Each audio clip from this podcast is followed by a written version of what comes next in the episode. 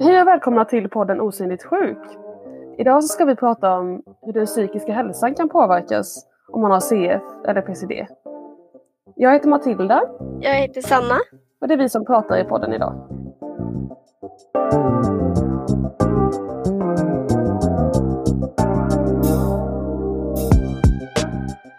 Du lyssnar på Osynligt sjuk. En podd av och med barn och unga med sjukdomarna CF PCD, alltså cystisk fibros och primär ciliär dyskinesi.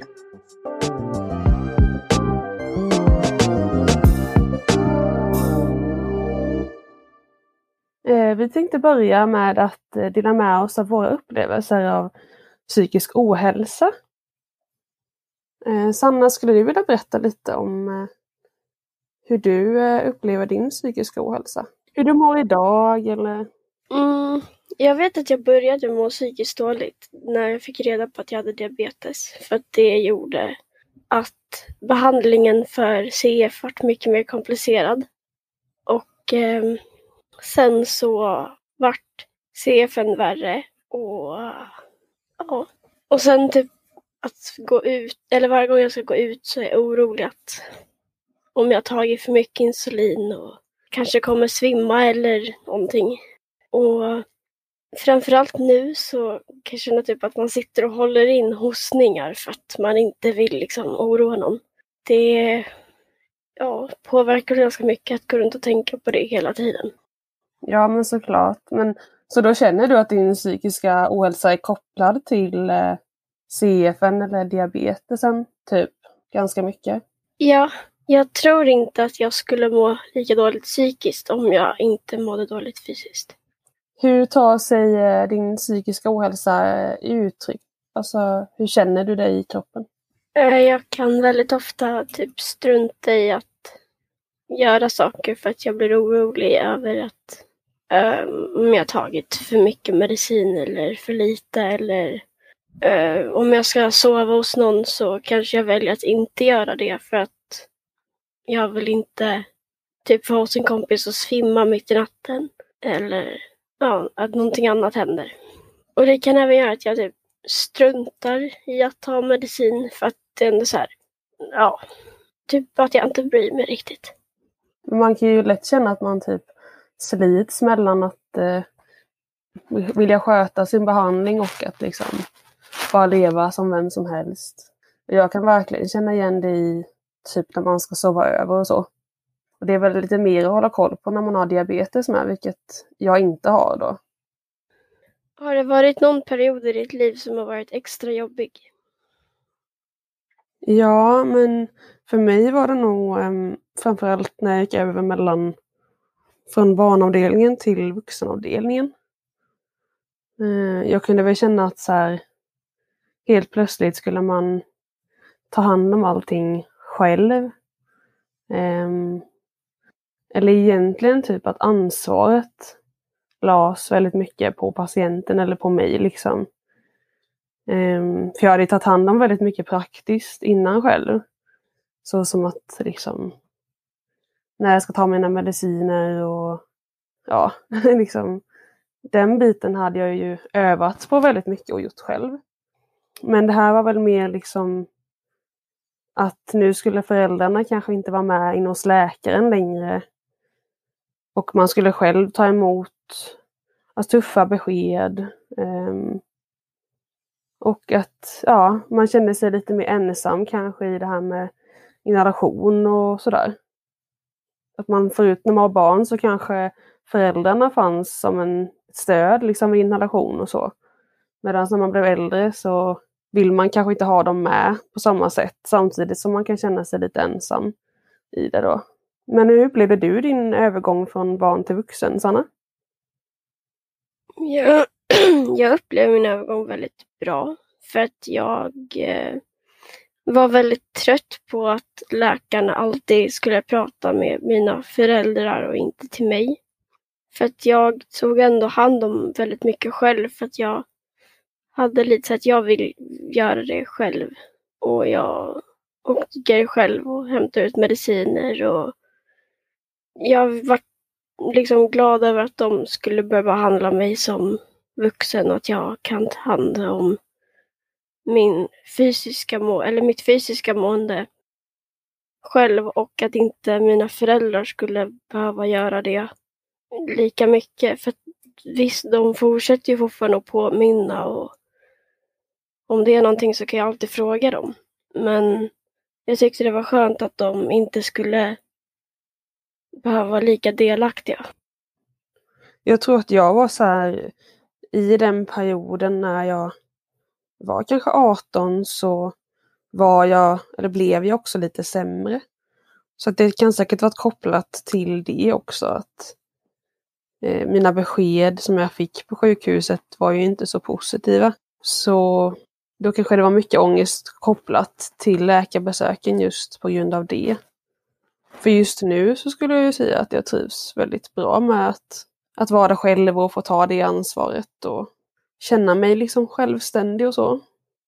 Och det är väl det som är med CF också, att liksom man har ju hand om väldigt mycket behandling själv i sin vardag. Och det är ju jätteskönt liksom på ett sätt att vi inte är beroende av andra. Men samtidigt kan det bli ganska ensamt och att det blir ett eh, alltså ensamt ansvar för patienten på något sätt. Eh, jag, har ju, jag besöker mitt CF-team var tredje månad ungefär just nu. Eh, sen är det ju corona nu också, så då är man ju kanske inte så ofta där heller.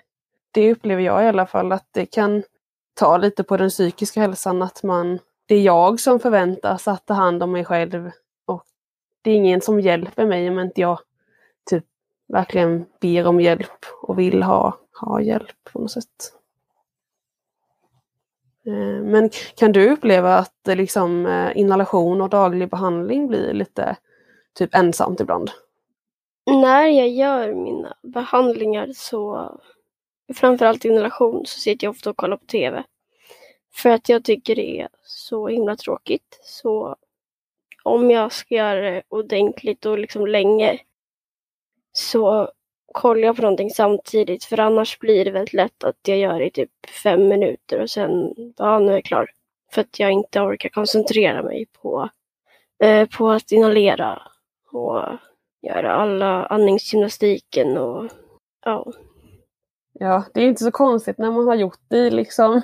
Man har gjort det i så många år och det är klart att man eh, det är skönt att ha något som distraherar lite hjärnan samtidigt som man, man gör det det hade inte varit hållbart kanske att sitta varje dag och vara så här 100% koncentrerad även om man jättegärna hade velat det. Jo men i alla fall framförallt om man, alltså det ska ju vara så mycket man orkar själv. Man ska inte sitta varje dag och typ må jättedåligt för att man bara fokuserar på det utan man ska ju kunna känna att man kanske kan ta det lite lugnt någon dag. Kanske göra mer om man är sjuk. Eh, eller alltså, om man mår dåligare fysiskt. Ja, det är hela tiden den balansen mellan den psykiska och fysiska hälsan. Liksom. Att om man sitter med inhalationen jättelänge och sätter jättehöga krav på sig själv varje dag så kanske den psykiska hälsan blir sämre. Medan om man struntar i det så mår man dåligt fysiskt. Det kan ju vara en svår balans att hitta.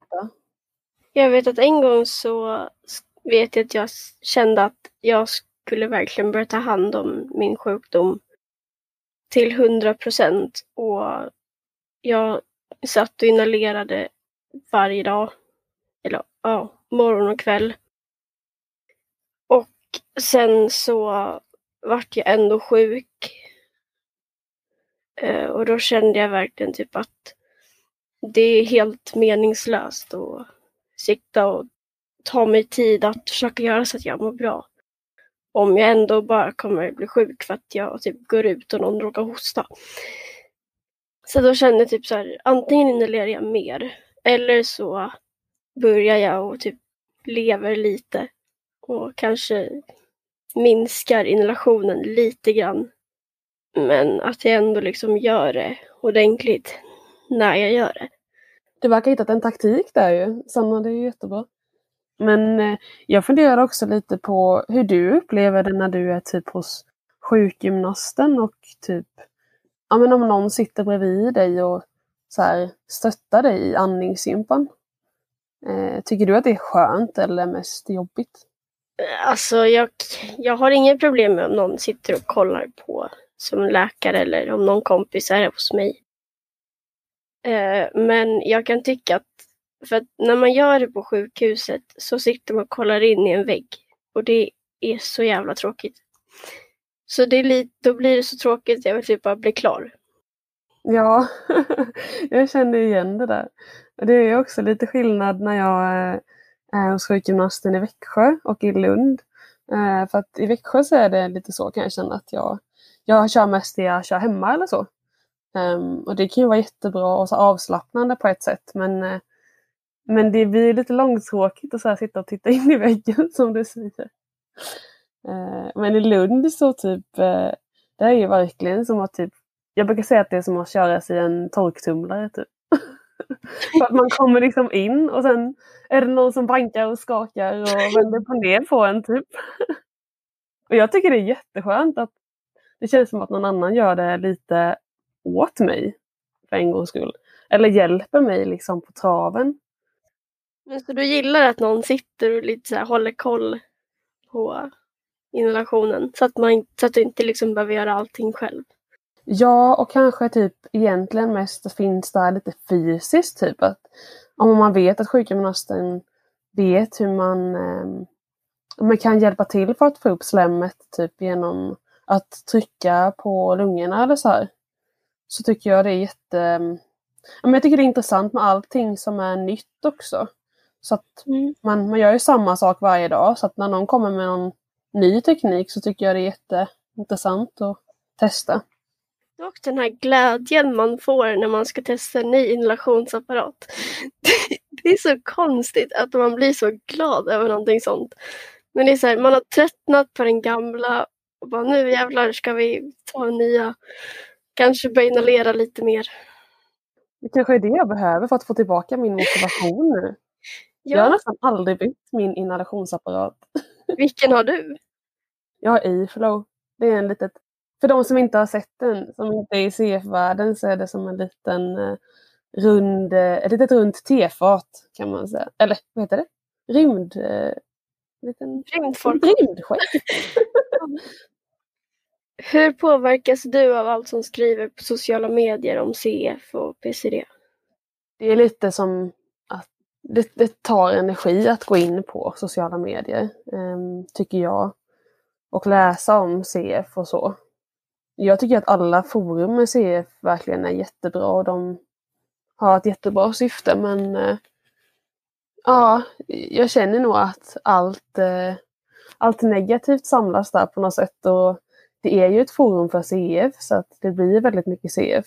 Um, ehm, och man kanske inte riktigt orkar tänka på det så att uh, ja, jag, jag, skulle nog säga att det är mer uh, det suger energi från mig mer än, att, mer än vad det ger energi.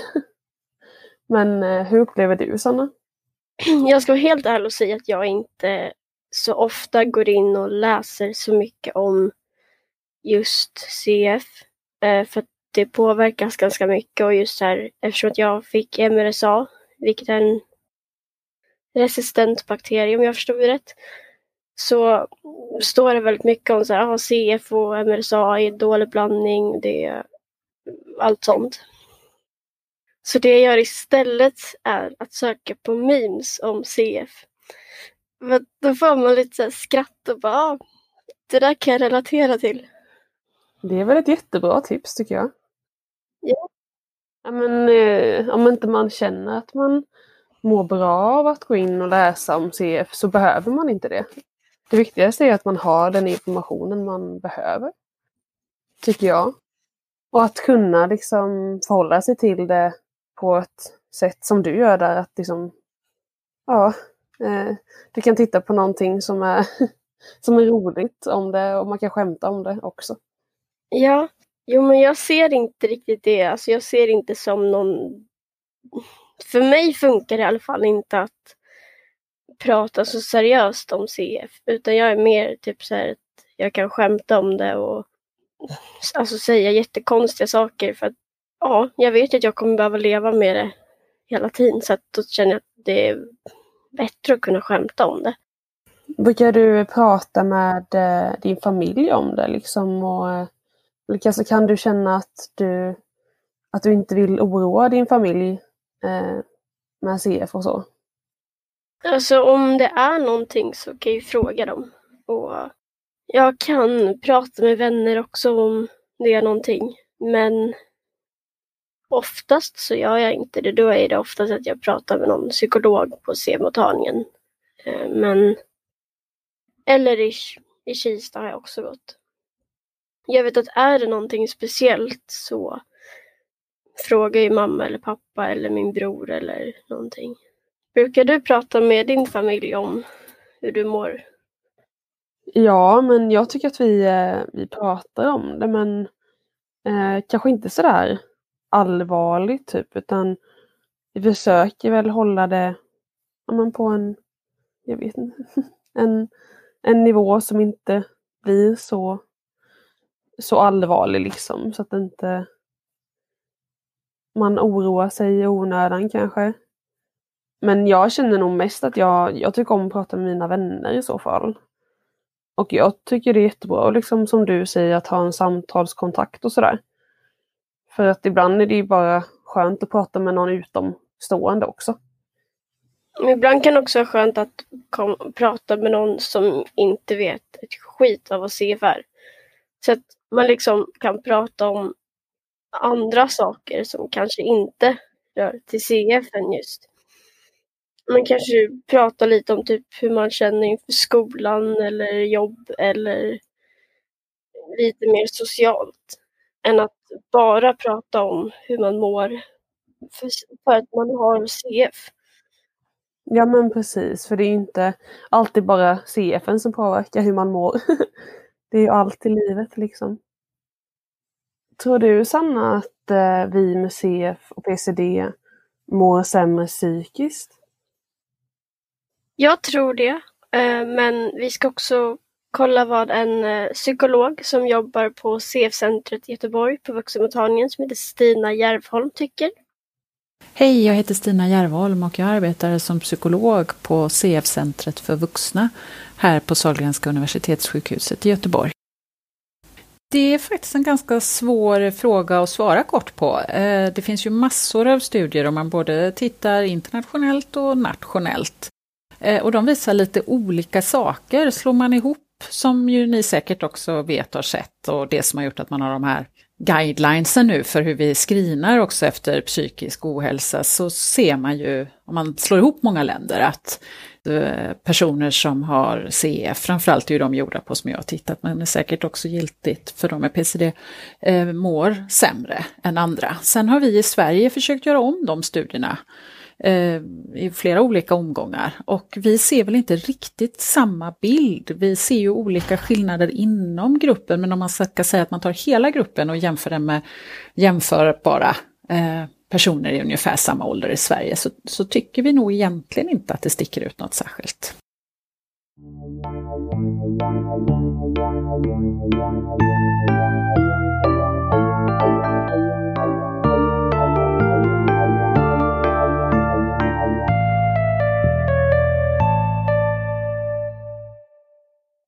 Eh, upplever du sen att eh, din läkare frågar dig om din psykiska hälsa på läkarbesök och så?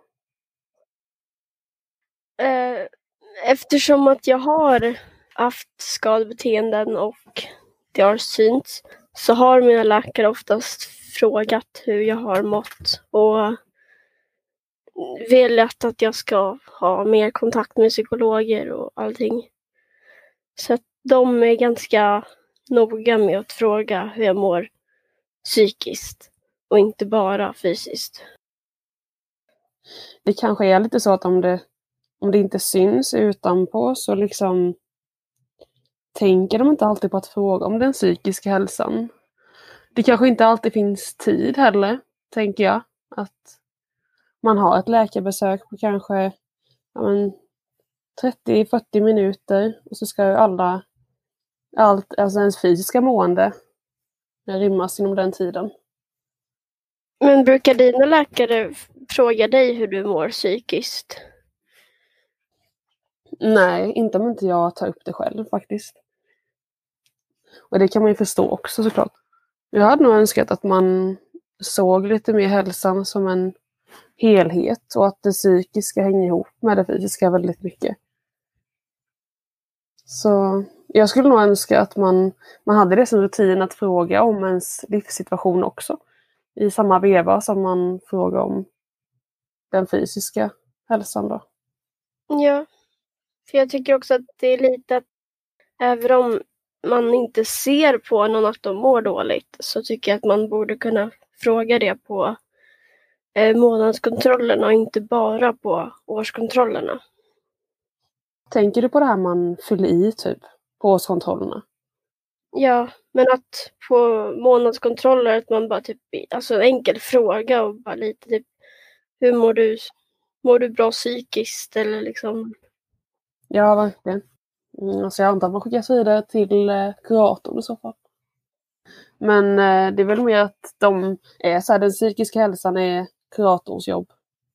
Det kan jag hålla med om att de är väldigt noggranna med. För att det var någon gång en eh, sköterska frågade och då sa jag att ja, men jag kanske inte mår så jättebra just nu.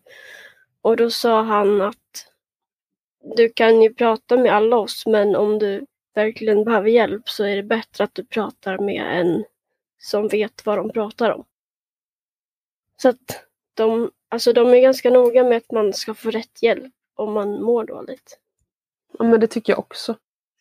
Sen tänker jag att liksom, för mig har jag ofta min fysiska hälsa varit väldigt kopplad till eh, den livssituationen jag haft. Så att om någonting har förändrats väldigt mycket eller man har haft mycket i livet så har det automatiskt speglats i mina blåsvärden. Och eh, därför kan väl jag tycka att man borde prata mer om det. Just för att det kan påverka blåsvärdena. Men eh, annars tycker jag verkligen att det finns ju hjälp att få. Man ska söka den om man behöver liksom. Vi kollar vad Stina säger om det här, om den psykiska hälsan prioriteras i vården bland CFR och PCDR.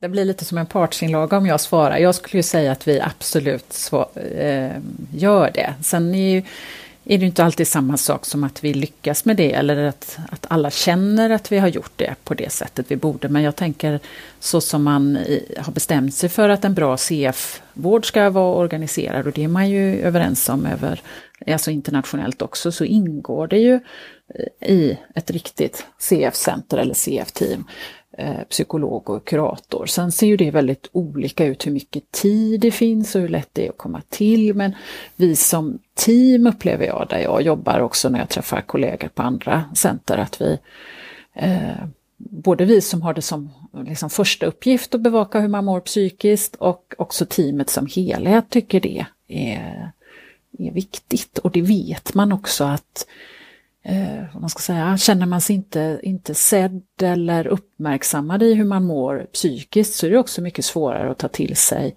annan eh, vård eller annan rådgivning. Eller det påverkar ju också hur vi gillar människor som ska hjälpa oss eller vad vi får för relationer.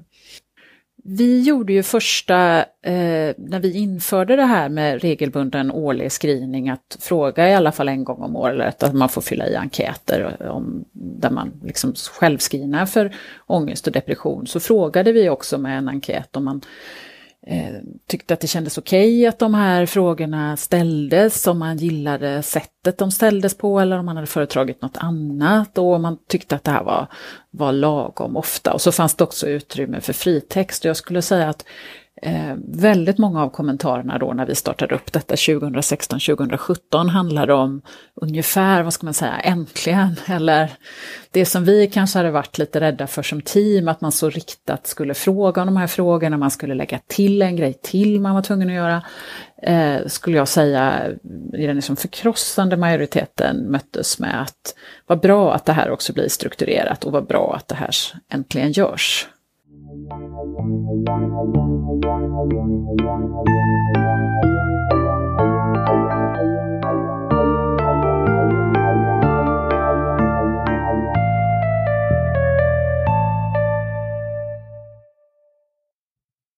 Eh, Matilda, vad tror du patienter med CF eh, mår dåligt över? Det är nog väldigt olika men jag tror att man kan ha en, en oro inför framtiden ganska mycket. Um, mer eller mindre hur man är lagd.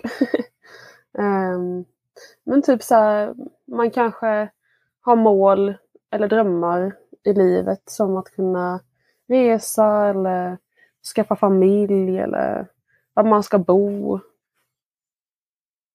Jag personligen kan väl känna att man kanske är lite rädd för att drömma eller sätta upp mål och så för att man, man vet inte hur det kommer se ut och man vet inte hur man kommer må. Så att då vill man liksom inte göra sig själv besviken på något sätt eller göra någon annan besviken.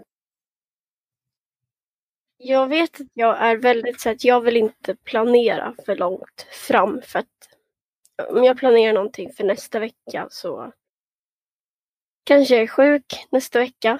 Så att jag har väldigt, kanske inte dålig men ändå typ lite dålig syn på framtiden. Att jag vill inte planera saker att göra för att jag vet inte om jag ens kommer kunna göra dem.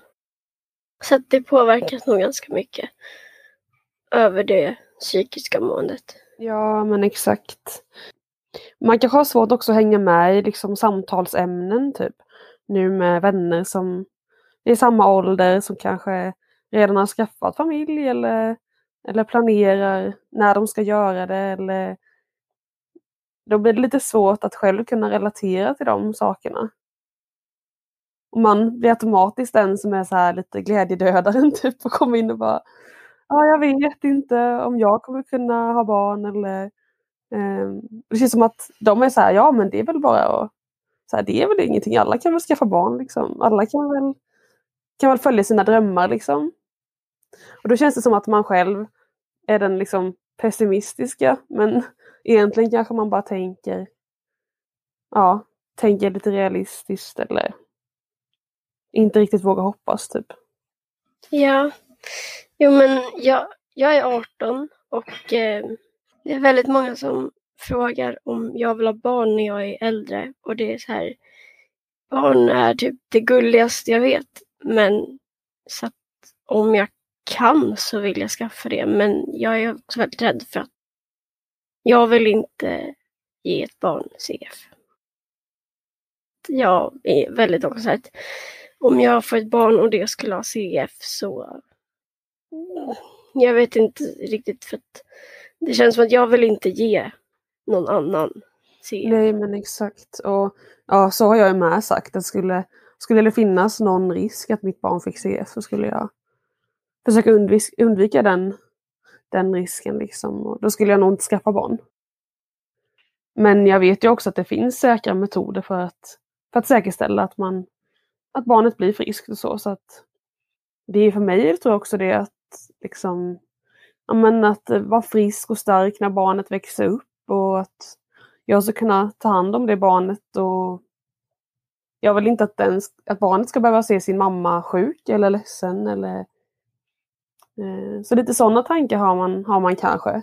Eller man tar inte riktigt tag i dem för att man tänker att det inte är dags än. Liksom. Men eh, men när den dagen kommer så kommer man ju behöva tänka igenom det ordentligt känns det som. Jo, men jag har också tänkt på att alltså den dagen kommer ju och man behöver inte ha bråttom heller.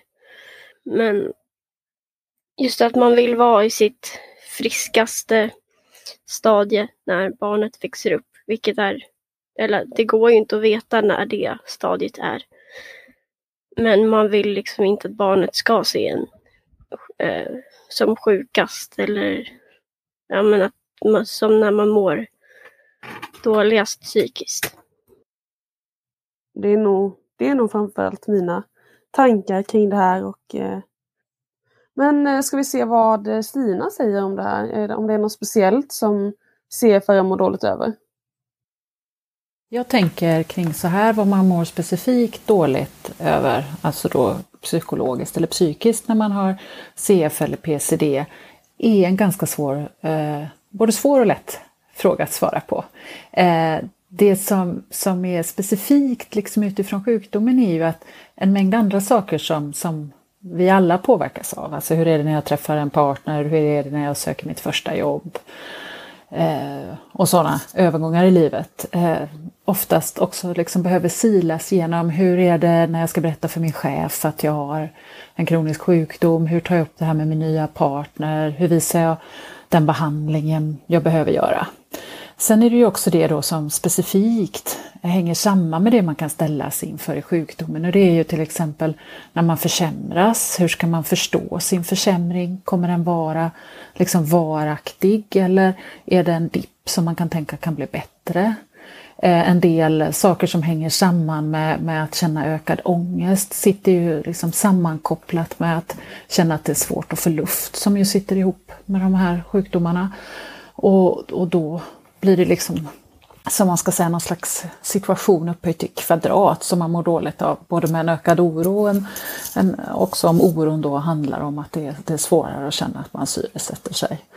Eh, sen tänker jag också att det utifrån, i alla fall vid CF är det väldigt tydligt att man har svårare att eh, bilda familj om eller när man vill det. Att man behöver göra det som man alltid i samarbete med sjukvården och som kvinna förhållandevis ofta, även om man också då kan bli spontant gravid och att det kan ställa en mängd frågor och man kan ställas inför svåra val där också då kanske kring diagnostik eller olika typer av behandlingar. Och sen så tänker jag också att det är specifikt när man ställs inför, som ju en del kommer att göra, att ställas inför frågan om transplantation. Eh, hur är det att vänta på någonting eh, som, som är ovisst och när man inte vet hur det kommer att bli efteråt, även om man hoppas att det ska bli till det bättre. Sen tror jag också att eh, det som, som, som många känner när man har CF och så kan vara svårt ibland att hantera, det är ju andras oro, andras frågor och eh, det här att andra som faktiskt tycker väldigt mycket om en vill hjälpa en på olika sätt. Men det kan, det kan vad ska man säga, det kan ibland vara stressande att få, få väldigt många goda råd och ibland kan det också göra att man blir lite osäker på vad man klarar och tänker själv att man klarar. Mycket av det man kan tänka på som man kan göra för att må bra psykiskt när man är kroniskt sjuk, det är ju det många gör naturligt i den situation. Att man, man är bra på att hålla rutiner, man är bra på att ta stöd från människor man litar på. Eh, ja, man försöker att göra saker i vardagen som man vet att man mår bra av. Börjar man sen känna att, att man eh, mår på ett annat sätt än vad man är van att må psykiskt eller man känner att man börjar må sämre eller omvärlden reagerar på det så, så är det ju oftast också att man slutar göra saker som man mår bra av för det känns liksom inte roligt och bra längre och då kan det ju ibland vara bra att försöka göra de här sakerna ändå. Eh, till exempel försöka liksom hänga med och umgås fast man inte riktigt känner för det och så. Eh, sen om det är mer varaktigt och håller på, då tycker jag att man ska tänka på att man tillhör ju oftast ett center där det jobbar både psykolog och kurator eller det finns andra i teamet man känner förtroende med att också lyfta att man inte mår bra så man kan få mer hjälp. Eh, det vi såg på våran mottagning när vi frågade alla när vi började med screening, det var ju att det här vill ju många prata om när man inte mår bra, man vill få hjälp och det finns hjälp att få. Och det kan ju handla om både hjälp som man kan få, precis som jag sa, precis på mottagningen, men det kan ju också vara att man precis som vem som helst behöver hjälp någon annanstans från vårdcentralen eller psykiatrin.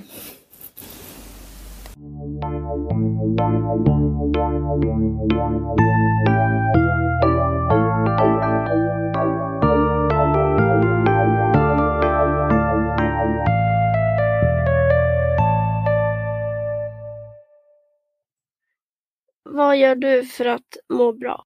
Eh, jag brukar träna regelbundet så, så gott jag kan. Ingen är perfekt. Jag upplever att jag mår bättre psykiskt om jag håller igång med träningen. Men äh, brukar du träna Sanna? Jag är väldigt dålig på att träna. Ibland så går jag ut och går. Och i perioder kan jag gå ut och springa men det är väldigt sällan nu. Så att just nu så tränar jag typ ingenting. Mm. Förutom att gå ut och gå. Men gå ut och gå är ju jättebra. Men har du någon annan taktik för att må bra än träning? Nej, alltså jag brukar typ gå ut och gå om jag känner att jag mår dåligt. Eller Så ibland brukar jag börja städa. Eller åka buss, vilket jag inte kan göra så mycket nu kanske. Men i vanliga fall så brukar jag åka buss för att ja, bara sitta där och åka lite vart som helst. Jaha, du gillar liksom att åka buss? Jag älskar att åka buss. Det är jättemysigt. Det, jag brukar bara ta någon buss som kommer och så åker till slutstationen. Och, och så tar jag första bussen som kommer där och åker någon annanstans. Och så, så jag kan väl inte åka buss i flera timmar. vad härligt, men vad dyrt tänker jag. Nej men ja, jag vet inte. Det är som att köra bil kanske lite. Det kan också vara lite skönt att bara köra iväg och göra någonting. Typ så här, köpa någonting i driven på Max.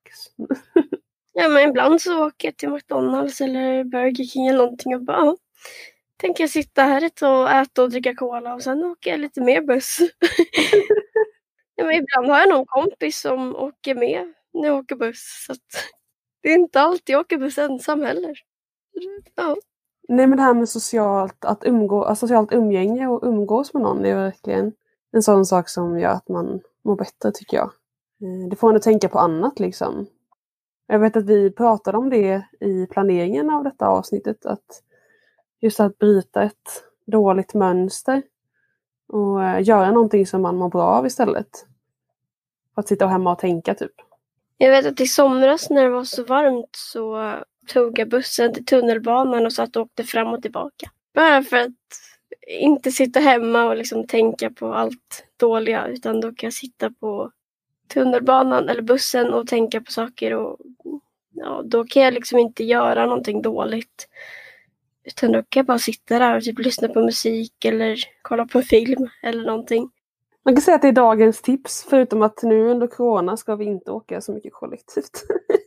Nej, nu jag saknar dock att åka buss men jag har inte gjort det på ett tag nu. Nej, Nej det är väl ganska klokt kanske. Men jag tänkte det här med att göra saker som man alltså känner att man klarar av. Det pratade vi också om att eh, man känner sig kapabel och, och stark liksom. Eh, det tror jag är lite kopplat till träning för mig. Har du någonting som du gör där du känner liksom att nu känner jag mig som mitt bästa jag? Ja, men när jag åker buss då känner jag mig stark. Nej, men jag vet inte. Alltså... Det kanske var en svår fråga. Men det är nog fan när jag åker buss alltså. För att det är så mysigt och då kan jag liksom de, så filosofera och ja. Du kanske är en kreativ person som sitter där och tänker. Ja, de, de flesta tankar jag får det är när jag åker buss. Så att, ja. Det kanske är det. Jag vet att jag brukade skriva mycket, framförallt i, i den perioden där när jag var runt 18-19. Jag, jag skriver jättemycket liksom, och så bara skrev av mig på datorn framförallt. Men även för hand. Och jag, det tycker jag hjälper jättebra. Jag skriver inte lika mycket längre, men, eh, men det är också sånt där utlopp liksom. För kreativitet och för... Om man känner någonting så kan man bara skriva ner det typ. Jag vet att jag brukar skriva ibland om det är något speciellt. Men det är oftast när jag åker buss jag får de tankarna. Så när jag väl sitter där, då kan sitta och skriva ner det på telefonen eller men, bara liksom få ut det. Så kan man skriva med stora bokstäver om man är arg på någon. Eller hur? Så här, eh, och massa utropstecken. Ja. och massa emojis och allt. Ja, jag tror det är ett sätt att få ur sig det liksom. Om man, om man inte mår så bra och kunna reda ut. En annan sak som funkar väldigt bra. Det är om jag är ensam hemma. Då kan jag sätta, jag hoppas inte grannarna har hört det här. Men jag brukar sätta mig i soffan och bara skriker. Allt jag kan. Visserligen tappar jag rösten efter men alltså Men det brukar funka för då får man ut så alla aggressioner och ja. Du kan skrämma livet ur dina grannar. jag hoppas inte jag har haft så här fönstret öppet eller någon gång och de bara hör någon jävla galen tjej som sitter och skriker för livet. Ja men jag ska vara ärlig, jag har faktiskt också så här. Eh, jag brukar slå lite i kudden när jag är arg. ja men det funkar! ja, det är jättebra. Jag tycker man pratar för lite om det, hur man, vad man gör när man är arg. Vi ska liksom alltid vara så samlade och, eh, och glada i Sverige känns det som. Det värsta är ju med den psykiska hälsan om man har, om man har livmoder och har PMS. Det, det går inte. Alltså jag slänger saker i golvet och jag blir arg och typ börjar gråta för allt. Och nej, fy fan. Ja, det där känner nog alla livmoderbärare till tror jag.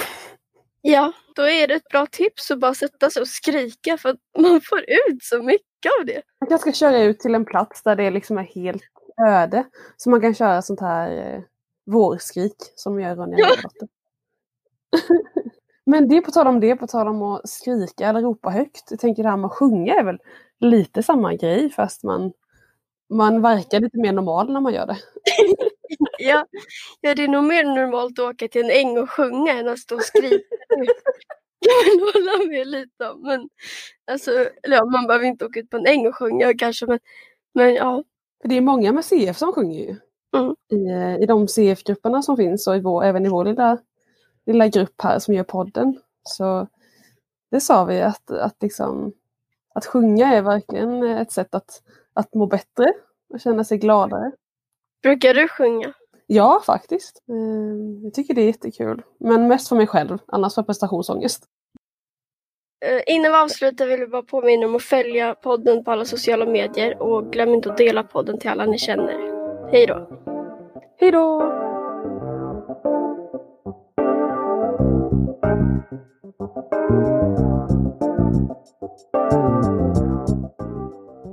har lyssnat på Osynligt sjuk som finansieras av Arvsfonden och samordnas av Riksförbundet Cystisk fibros.